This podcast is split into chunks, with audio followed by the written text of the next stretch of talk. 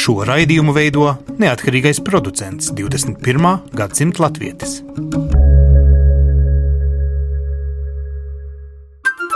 Lai kur mēs būtu, Lai kur mēs būtu, Lai kur mēs būtu, Lai kur mēs būtu, Tie esam mēs. tie esam mēs. Mēs. Tie esam mēs. mēs tas ir par mums. Tas ir par mums.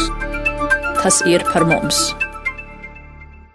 Sveicināti raidījumā 21. gadsimta latvietis. Tas vienmēr skan Latvijas radio, bet arī labākajās pasaules latviešu mājaslapās. Un arvien biežāk mēs redzam mājaslapās sludinājumus arī no cilvēkiem, kuri piedāvā juridisku palīdzību. Patiesībā diezgan bieži ir gadījumi, kad saskaroties ar citas valsts likumiem un pirmkārt jau likumiem, eh, cilvēki nezinot eh, izdara kādu likuma pārkāpumu. Tas nav smags, bet tomēr var nonākt eh, problēmās. Kad rodas problēmas, tad vienmēr vajag kādu, kas zina likumus, un likumus ir labi, ja zina kāds, kurš var to izskaidrot arī jums latviski, vai vismaz latviskā sapratnē, ja nevienmēr valodā. Dažreiz gan arī, ja jūs neprotat nemaz vietējās valsts valodu tik rūpīgi, lai varētu izskaidroties, piemēram, ar varas iestādēm. Šodien tieši runāsim par sarežģīto likumu, līkumu izzināšanu un pirmkārt Vācijā. Arnis Drilli, jūs esat arī dzimis Latvijā, mācījies skolā un tad atbraucāt šeit uz Vāciju un Vācijā kļuvāt par juristu, ja? Tieši tā. Esmu dzimis un principā audzis Latvijā, un um, 96. gadā um, atbraucu uz Minsteras Latviešu gimnāziju, un to 98. gadā arī beidzu. Pēc tam, ilgi domājot, ko darīt, atgriezties vai neatgriezties Latvijā no sākuma, izdomāju Vācijā studēt, un tā arī izstudēju jurisprudences Minsterē. Attiecīgi, Latvijas valsts likumi jums pat nav tik ideāli pazīstami kā Vācijas valsts likumi. Nu, es domāju, kā jurisprudents studentam. E, Tik ideāli nē, bet ir jāņem vērā tas, e, ka daļa Latvijas likuma ir e, pārņemta, vai vismaz no tiem e, kodols vai doma ir pārņemta no Vācijas. Tā ir skaitā, bet nu, mēs kopējā romiešu tiesību sistēmā vien dzīvojam, un tā pamatjēga izprotam ir. Tātad jūsu stiprā puse ir nevis, ka jūs zinat Latvijas likumus, un tad varat piemērot Vācijas kaut kādas dīvainības vai atšķirības, izskaidrot cilvēkam, kas saskarās ar likumu, kādu pārkāpumu vai kā savādāk, bet gan tieši, ka zinat to vācu, un tā tad lielākā daļa jūsu, kā tagad jau advokāti, kas reģistrējas savu darbību Vācijā, ikdiena paiet skaidrojot to Latvijas republikas piedrīgajiem pilsoņiem vai nepilsoņiem, kas Vācijā saskaras ar kāda veida likuma pārkāpumiem - apzinātiem, neapzinātiem. Gan, gan. E, Tas ir pareizi, ka es skaidroju no Vācijas viedokļa. Galu galā jau pēc Vācijas mērauklis arī tiek mērīts, kas ir noticis. Un arī tiesnesis, ja runa ir par tiesu, lems pēc Vācijas likumiem, tas nekas, ka viņš ir Latvijas pilsonis. Tas ir ļoti svarīgs punkts, jo redz, likums jau tikai bāze un tieslietu praksē e, vienu to pašu gadījumu. Pat tad, ja likuma pants varētu būt e, vārds vārdā vienāds, Vācijā varētu izšķirt savādāk kā Latvijā. Patiesībā varat palīdzēt būtībā tikai tautiešiem, kas dzīvo šeit Vācijā, un jūs pats esat Minsterē atvēris savu biroju. Tas nozīmē, ka arī jūs varat tikai Reinlandē falcā to darīt. Jūs nevarat. Nostrainā, Vestfālnā. Pirmām piedodiet, sajaucu pavalstis, bet tad vai jūs varat jebkuru latvieti no jebkuras Vācijas pavalsts um, izpestīt ārā no likuma pārkāpuma? Ja nemaldos, tas bija 2004. gadā, kad eh, Vācija atcēla likumu par to, ka katrs advokāts em, var nodarboties ar savu um, biroju tikai, jeb darbību tikai tanī eh, pavalstī, jeb pareizāk sakot, em, tiesas reģionā, kurā viņš dzīvo. Tas tika atcelts un līdz ar to dotas iespējas Katram Vācijas advokātam, katrā Vācijas tiesā arī pārstāvēt savus klientus, izņemot augstākās tiesas. Kas arī ir tās biežākās lietas, kur cilvēki iekuļās? Mēs esam dzirdējuši, ka piekdienas vakarā īpaši vētraini izvēršās īrijā un Anglijā, un tad ir gan ceļu satiksmes noteikumu pārkāpumi, gan tam līdzīgas lietas, vai Vācijā ir kāda tāda īpaša latviešu tipiskā eh, liga, ar kuru viņi iekuļās likuma strīdos. Tipiskā jau nevar teikt īstenībā, bet, eh, protams, kad eh, griežas cilvēki pie manis eh, tad, kad viņiem ir problēmas. Un, ja mēs runājam par kriminālu tiesībām, jā, tā ir braukšana dzērumā, jā, tā ir kaušanās, bet neaizmirsīsim to, ka tas jau nav vienīgais, par ko iet runa. Iet runa arī par darba tiesībām, par īres tiesībām, par ģimenes tiesībām. Mantojuma tiesības, jeb vēl nē. Pagaidām vēl netika izteikti reti gadījumi līdz šim bijuši, bet tas attīstīsies, jo mantojuma tiesības jau tad ir interesants, kad ir ko mantot. Mantotāji, kur atstāja un mantinieki, kur saņem. Jā, patiešām. Bet uh, vai mēs varam teikt, ka no 28 tūkstošiem latviešu, kas it kā ir aplēsti dzīvodami Vācijā, um, nu ir kaut kāds procents, kas uh, līdz jums nonāk, vai kaut kāda speciāla sociālā grupa? Nu, piemēram, jūs biežāk strādājat ar jauno trimdas daļu, kā mēdz teikt, vai ar uh, tiem, kas Vācijā varbūt ieceļoja un palika pēc otrā pasaules kara? Principā ar jauno, jo tieši jaunā trimdas daļa jau ir tie, kura meklē juridisko konsultāciju un palīdzību latviešu valodā. Vecā trimda jau īstenībā ir vāciskojusies, ja viņi visi tik labi zina vācu valodu, ka viņi var arī savā dzīves vietā griezties pie jurista un meklēt palīdzību vācu valodā. Tātad jūs esat vērtīgs tieši ar to, ka esat nevien jurists, bet arī latvietis un varat latviski izskaidrot lietas, varbūt arī ar to nu, izpratnes līmeni, kāds ir ieaudzināts nu, cilvēkam no Latvijas, nesen, nesen ieceļojušam. Ir divi, divi aspekti jāņem vērā kas ir svarīgi gan latviešu, gan krieviski, izskaidrot eh, cilvēkiem eh, viņu valodā, un, protams, arī saprotot to, kāpēc viņi tā rīkojušies, un arī runājot vienu valodu, ne tikai eh, izpratnē tajā, ka tiešām mēs vienu valodu runājam, bet arī to, ka mēs izprotam viens otru, saprotam, kāpēc tas tā ir bijis un spējam izskaidrot tā, ka cilvēks arī to pieņem. Jā, pieņem, un otrs arī beidzot saprot, kāpēc izrādās, ka šeit tas ir pārkāpums, kas Latvijā varbūt netiktu tiesāts. Tieši tā. Jo dažkārt jau es pieņemu, ka cilvēks ir pat pārsteigts, kāpēc jūs man tiesājat par lietu, Latvijā par to man nekad neviens nav piekasījies. Jā, un tad arī vienkāršāk var izskaidrojot cilvēkam, liekot arī saprast eh, to, ka ne tikai eh, Latvijā varbūt viena izpratne ir pareiza, bet šeit viņi ir savādāk, un arī viņam izstāstot saprotamā valodā, saprotamiem vārdiem un saprotamām domām. Un viņām saprotama valoda, jūs sakat, kāda trešdaļa no gadījumiem ir krievu valoda. Tad nu, jūs faktiski lietojat arī abas no Latvijas nākušās valodas. Faktiski man tiešām tagad trešdaļa klientu ir krieviski runājošie. Tie ir gan no Latvijas krieviski runājošie klienti, gan arī no citām valstīm. Bet, bet no citām Austrumēropas valstīm, tikpat labi Krievijas jā. vai uh, Lietuvas, jā, Ukrainas un tā tālāk. Mm, tātad, nu, šis izceļotāju drošības salmiņš esat jūs. Kas ir tie galvenie iemesli, kāpēc eh, pie jums nonāk cilvēks? Pie jurista cilvēki jau parasti griežas tāpat pie, kā pie ārsta, tad, kad jau gandrīz par vēlu vai ir tiešām iestājies klīnisks gadījums, teiksim mm. tā. Un, un eh, tā ātri ar nepieciešamību griežās, jo, protams, tie, kuriem ir problēmas ceļš darba jautājumos, Arī... Darba jautājumos tas nozīmē, ka cilvēki jau ir apzinājušies, ka viņi nav nekādi nelegāli imigranti, kam jātur muti par to, ka šefs kaut ko nemaksā, ka viņi ir Eiropas saimnības pilsoņi un viņiem ir viņu tiesības jau nu, pēc definīcijas. Ja? Tad tas, tā ir, tas ir progress, ja salīdzinām ar gadījumiem, teiksim, pirms 11, 12 gadiem. Tas ir ļoti svarīgs aspekts patiešām, jo cilvēki sāk apzināties savas tiesības. Tiešām tiesiskā izpratne e, bija tā, kas e, cilvēkiem, kurai no cilvēkiem bija jātop. Tā bija e, arī doma, kas Latvijā nu jau pirms 20 eh, gadiem bija ļoti svarīgi, kā mēs veidosim tautas tiesisko izpratni. To, ka mums ir tiesības, mēs drīkstam. Un mēs esam Eiropas Savienības pilsoņi, un, un pret mums, teiksim, nedrīkst pielietot nu, kaut kādas viltības. Arī mēs darbā piesakāmies legāli, arī mēs pieprasām sociālās garantijas, tieši tādas pašas kā jebkuram, teiksim, vācietim, kuram varbūt mēs pat atņēmām darbu, izkonkurējām. Jā, un patiešām ir tā, ka mm, agrāk mm, arī nu, vācieši, kā darba devēji, paļāvās uz to, ka nu, viņš jau nenāks, viņš nestrīdēsies. Pirmkārt, viņš neprot valodu. Atkal atgriežamies pie valodas Jā. aspekta. Otrām kārtām viņš neuzdrošināsies.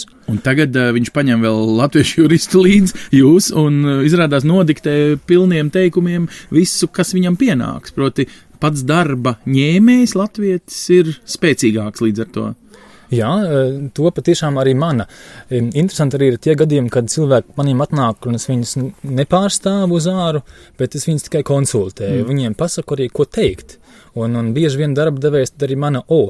To viņš nav izdomājis pats, to viņam kāds ir ieskaidrojis. Citiem maniem kaut kādi vāciski formulējumi, kaut kādi īpaši vārdi, kaut kāda loģika un izpratne par, teiksim, nu, kaut kādu tiesvedības schēmu, kā tai ir jānotiek. Tieši tā. Tātad jūs spēcinat cilvēkus šajās darba tiesībās, tur es pieņemu, ka tie ir pārsvarā gadījumos pozitīvi stāsti. Cilvēks iegūst um, to, ko viņš nav saņēmis, kaut kādu sociālo piemaksu vai kaut kādas darba virsstundas no viņa nevar prasīt uh, bez maksas strādāt. Nu, visi šie aspekti kas ir cita grupa, kurā jums nāks strādāt?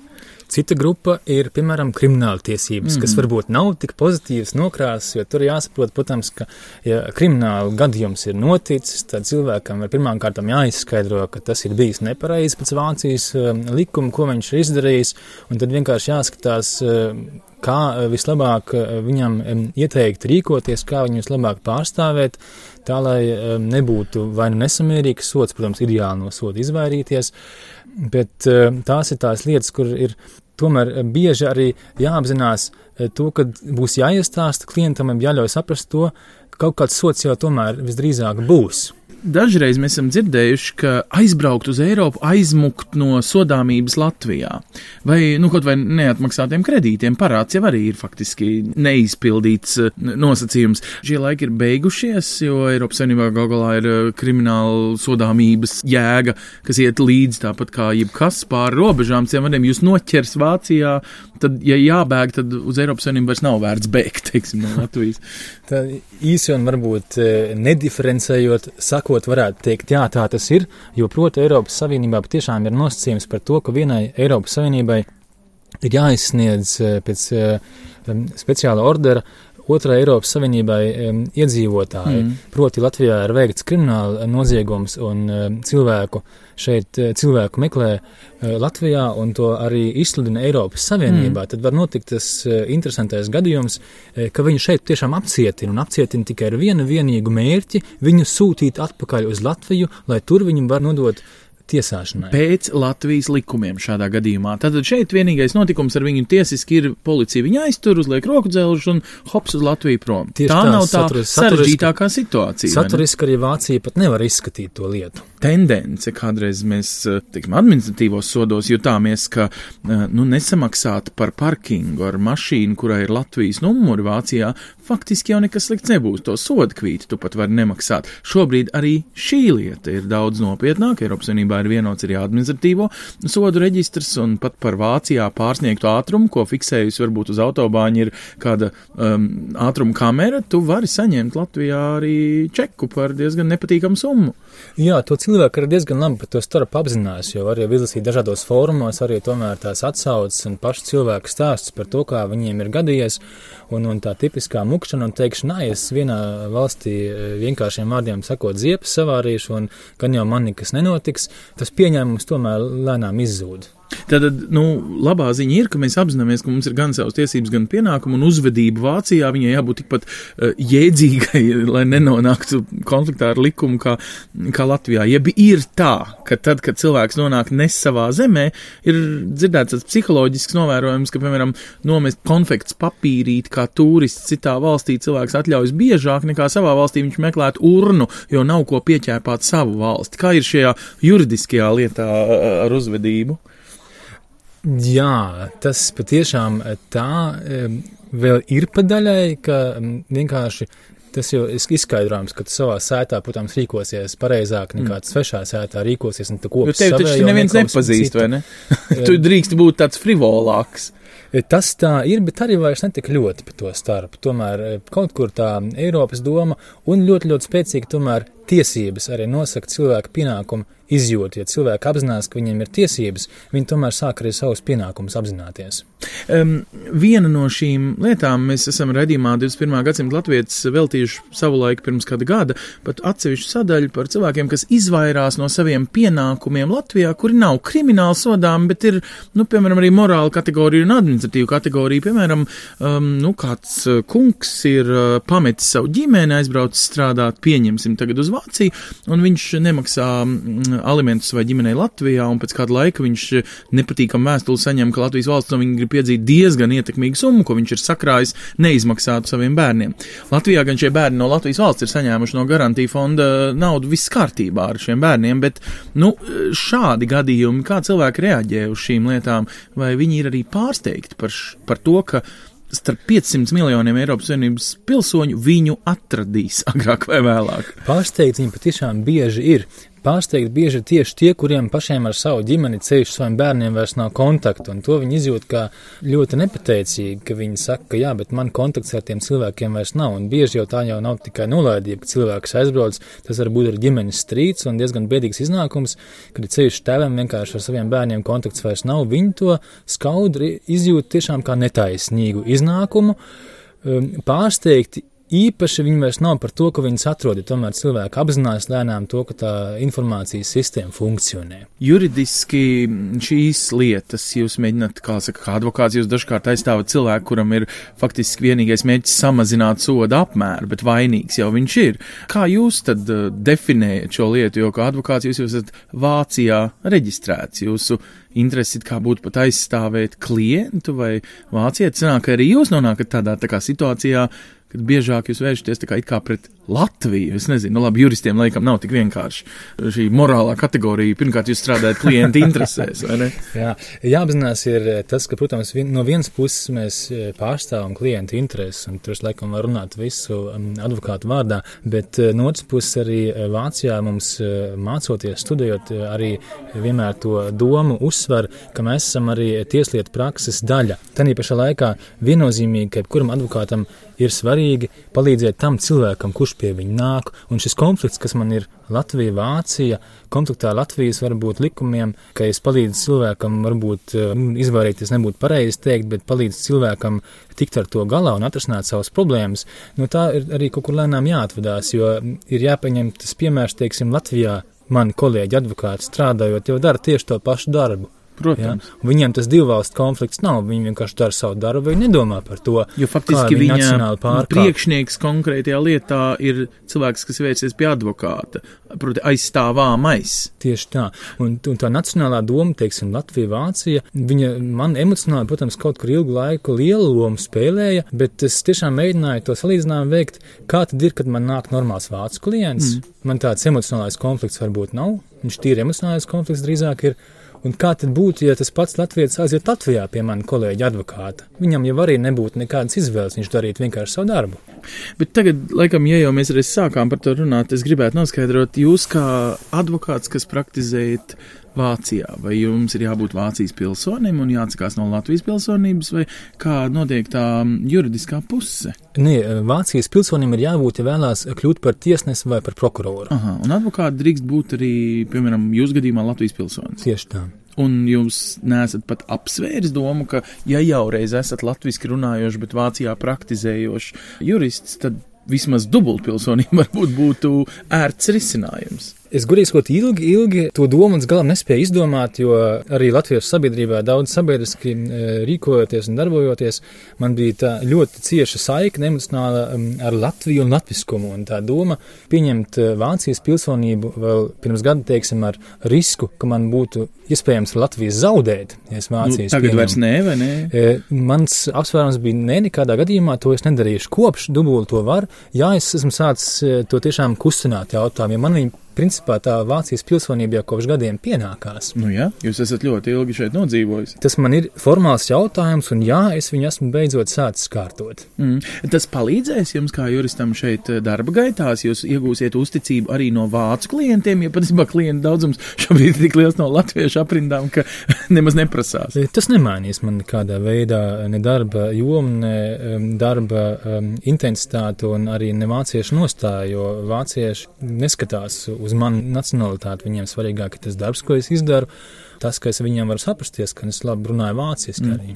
Bet jums pašam, jūsu birojs ir um, Minstras Latviešu centrā, jūs esat arī Minstras Latviešu centrā ilgi strādājis, jūs esat redzējis visu to skaudro ikdienu, nu kaut kādā vienā mirklī varbūt pat tā, nu, dabiski piegriežas, teiksim, tā tās tēmas, un gribas sākt strādāt ar, piemēram, nezinu, tikai mantojuma tiesībām, tikai pieņemsim, ja, vāciešiem, nu, vienkārši Vācijā, nevis ņemties ar visām tām latviešu diezgan, es saprotu, tipiskām un uz atkārtošanos vērstām lietām.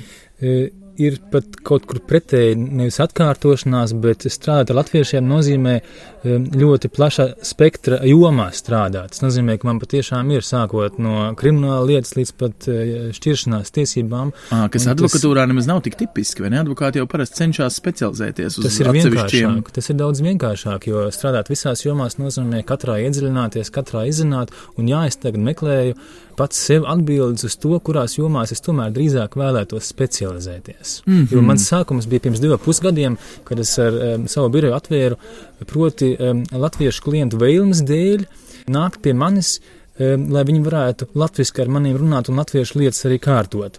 Toreiz pārāk daudz nereflektējot, pametu arī savu specialitāti, jo īstenībā esmu izglītojies un arī ieguvis speciālistu tiesības Vācijā maksāt nespējas un sanācijas jomā.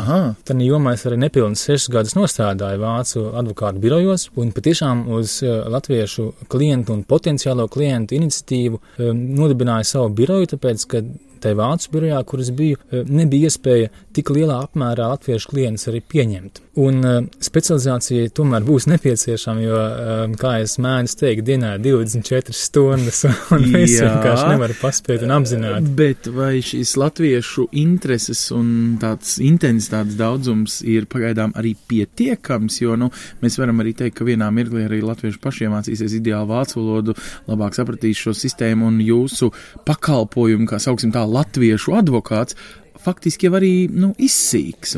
Interesants ir tas fakts, ka man lielākā daļa klientu, no kuriem es tiešām izdzīvoju, nemaz neatrodas Vācijā, viņi tieši atrodas Latvijā vai ārvalstīs. Bet viņiem ir bijusi kaut kāda nepatīkama situācija tieši Vācijā, un tāpēc vajag tieši jūsu nu, padomu. Tieši tā. Un tie, kas šeit dzīvo, viņi arī, protams, var aiziet pie kāda vietējā jurista un mēģināt sazināties, cik nu iespējams tā saikne varbūt nebūs tāda. Tātad jūs esat faktiski advokāts advokāts bāzēts ministrē, bet eh, pieejams online, jebkuram, kam vajag padomu vācu likumdošanā. Jā. Cik procenti patiesībā ir šie online klienti?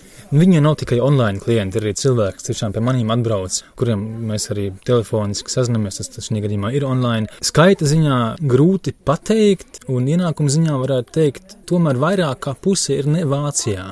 Mm, tas nozīmē arī jums tas darbs ir diezgan tāds uh, viltīgs, un ja nu nesamaksā, nu kā saka, klientu acīs ieraudzīt, jūs vēl viņu atpazīt uz ielas, ja aizskrietu nesamaksājis, bet uh, online, nu visādi var, ja jau viņš reiz ir vispār ar likumu problēmās, un tad vēl advokātu apšņauts, apšmauts.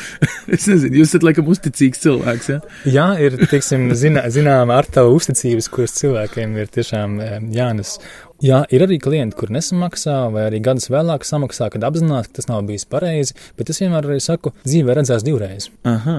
Nu jā, bet vai jūs tad šo, kā lai saka, šo nesmukumu izdalat ar septiņu un, nu, palaižat to vienkārši, jo, jo faktiski tur var izrietēt arī jautājums, kāpēc jums ar šito visu ņemties? Tikai tāpēc, ka jūs esat latvietis un gribat palīdzēt tautiešiem, nu, ziniet, ar tautiešiem mēdz būt arī gan šakāji, gan riebekļi un, um, kā saka, nu, profesionāli interesanti, bet vienā brīdī, nu, tautiskums jau nevar būt vienīgais iegansts. Jūs uzrunājat tēmu, ar kuru es patiešām saskāros, um, domājot par savu biroju iesākšanu, un patiešām iesāku diezgan ideālistiski.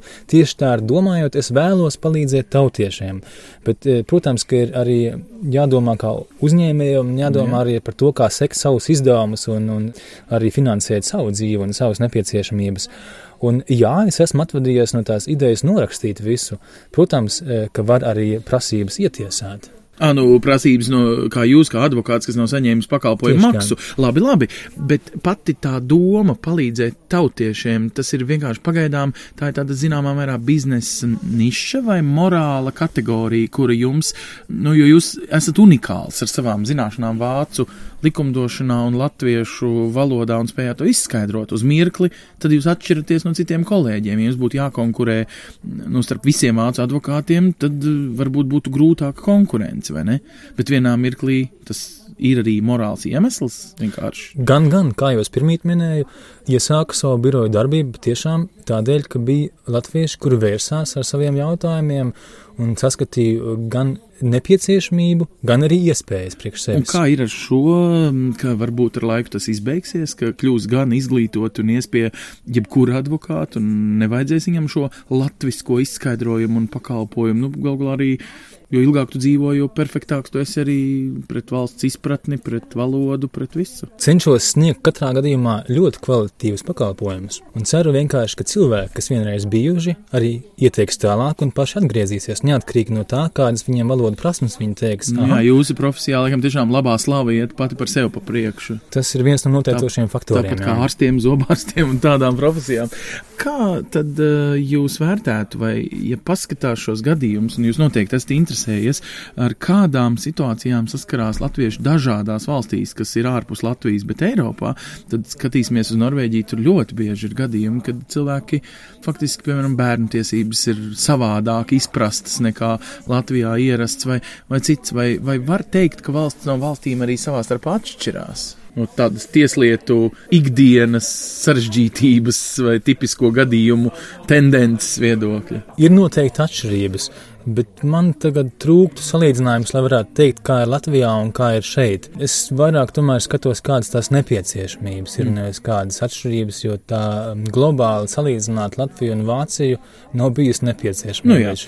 Citu, jūsu dzīves plāns nozīmē, ka jūs tagad profesionāls Vācijas tieslietās faktiski visu mūžu esat piekalts šeit, Vācijai, un labākajā gadījumā pensijas gadi ir jūsu gadi Latvijā atpakaļ, jo, nu, tīri profesionāli es pieņemu, tur ir arī ieguvumi, bet, nu, būt par speciālistu vācu tieslietās, vai tas atmaksātos dzīvot arī kādu dienu Latvijā ar treniņu, ko esat tagad saņēmis jau? Domāju gan, ka jā. Protams, ka tieslietu zināšanas piesaista tai valstī, kurā viņas iegūtas, gan valodas dēļ, jo jurisprudencē strādājot, tomēr ir svarīgi valodu arī perfekti pārzināt un, protams, arī paši likumi. Kā jau pirmīt minēju, ir līdzības starp Latvijas un Vācijas likumiem, ir iespēja iestrādāties, būt, protams, jāpiemācās klāt, un ir, ir tagad iespēja arī Latvijā, kā Eiropas Savienības advokātam strādāt, tur gan būtu jābūt savai, eh, savam birojam, un, vai arī piesaistēji kādam birojam. Tā kā iespējams ir, bet tas, protams, būtu saistīts ar to, ka būtu jāpiemācās klāt, būtu atkal jāiegulda pūlis, laiks,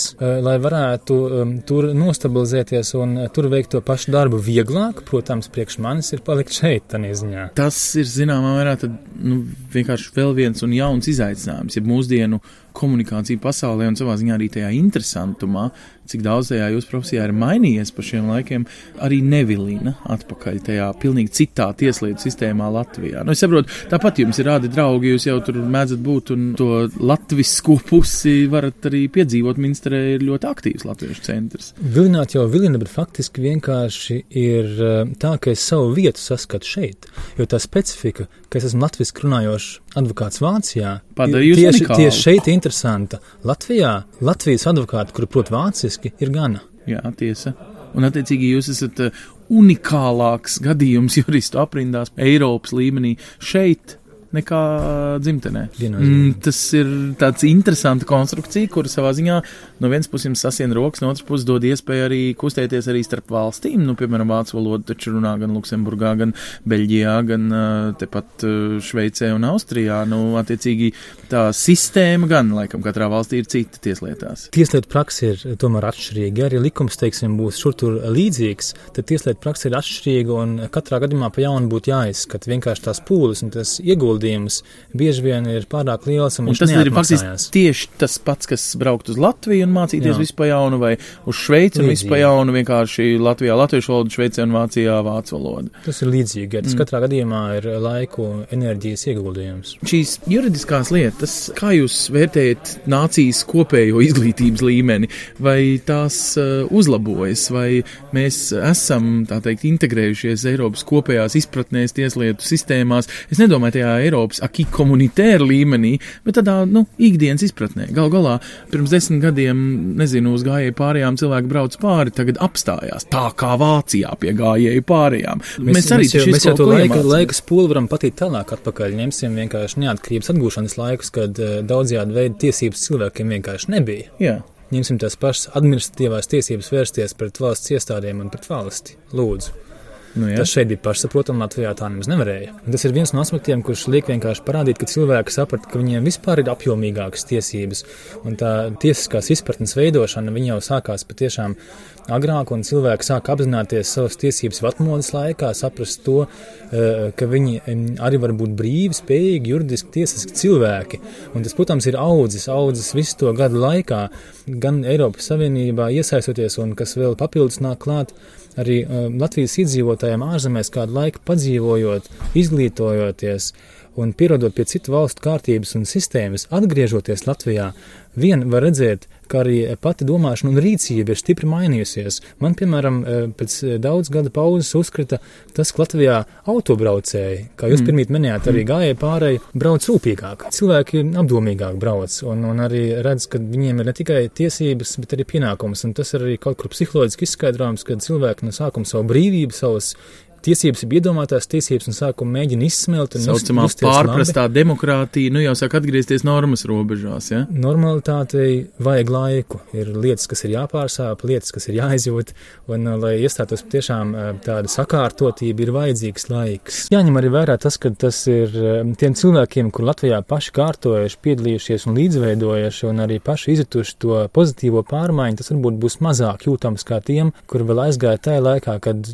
bija mazāk sakārtots, vai arī pašiem nebija iespēja diferencēt un eh, piedzīvot, jeb saprast arī to, ka ir mainījies, jo uz vietas dzīvojot, tu pats neredzi. No malas pastoties var izvērtēt un redzēt labāk nekā pašam izjust. Jā, patiešām, un uh, mēs laikam pirmo reizi mūžā, godīgi sakot, tik filozofiski runājam ar juristu, bet tas, man liekas, bija to vērts, un Arni Drillēs, saku jums paldies advokātam, kurš uh, savu praksi, nu jau divus ar pus gadus ir atvērs Minsterē.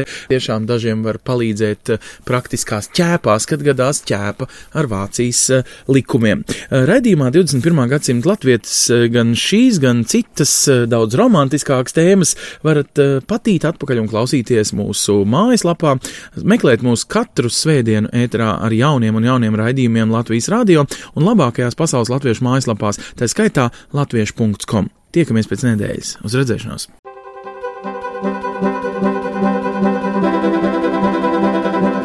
Sadarbībā ar, ar Latviešu.com piedāvājam Globālais latviešu notikuma apskats, kur ir tur rodas. Kur ir tur rodas? Tas ir par mums! Šodien, 26. novembrī, Latviešu centrā Bērzaina, Dienvidvācijas pilsētā Freiburgā, ar īpašu koncertu atzīmēs latviešu rakstnieces Zentes Mauriņas 120. dzimšanas dienu. Koncertā izskanēs Mauriņu ģimenes iecienītākie skaņdarbi, kā arī lasījumi no viņas autobiogrāfiskās grāmatas Manas saknes ir debesīs. Tāpat sarīkojumā uzstāsies Freiburgas, Strasbūras, Bāzeles ģimeņu kora Treizemīte, diriģente un mākslinieckā vadītāja Ilze Paegle un kora pianiste Gerda Jerjomenko. Par rakstnieces dzīvi un daļradi runās Austris Grasis, Imants Balodis un Zentes Mauriņas atdusas vietas Batkroicingenā muzeja pārstāvji. Šajā dienā Bērzainē svinīgi tiks godināta vēl kāda īpaša persona no klātesošajiem - Imants Balodis, jaunākais Daugavas Vanagu pašpalīdzības organizācijas dibinātājs. Novembrī Imantam aprit 90 gadi.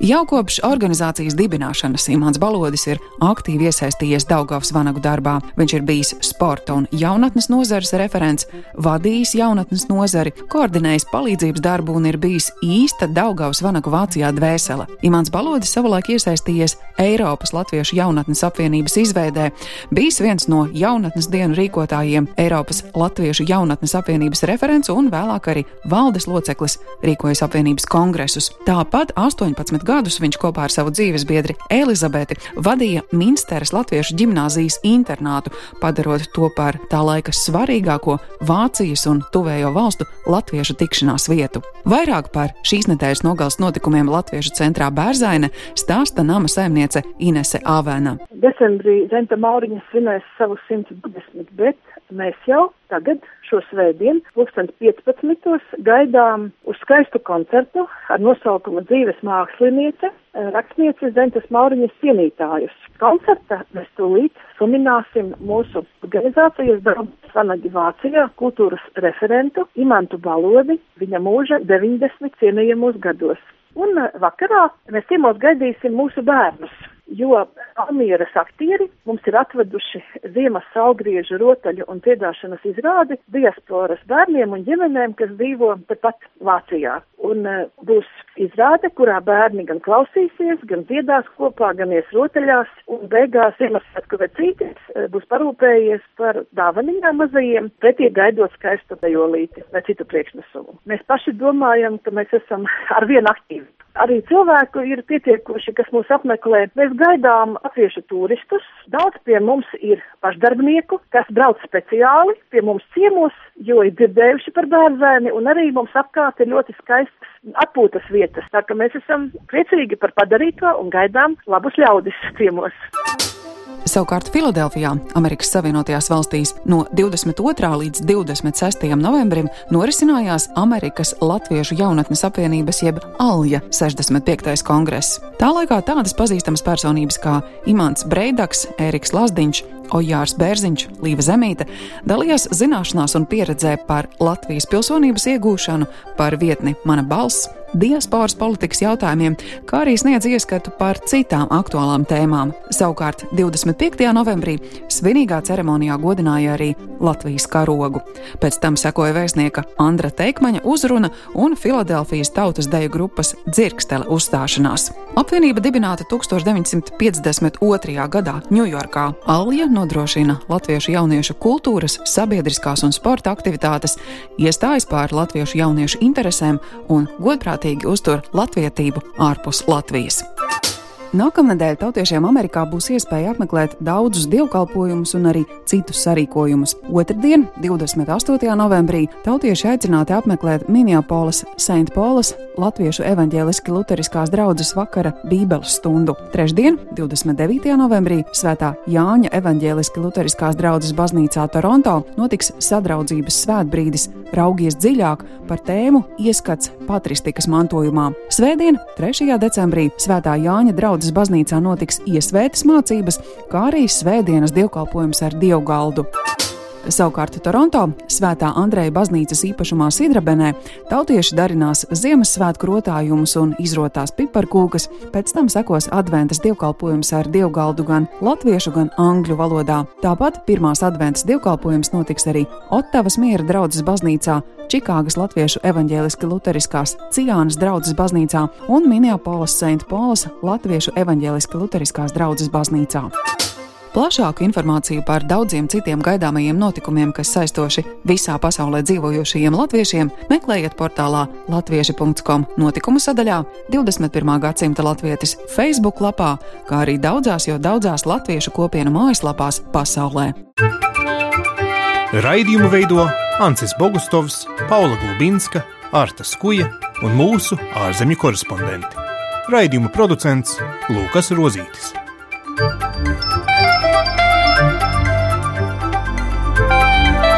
Lai kur mēs būtu, Lai kur mēs būtu, Tas ir par mums. Tie esam mēs. Tas ir par mums. tie esam mēs. Tie esam mēs. Tie esam mēs.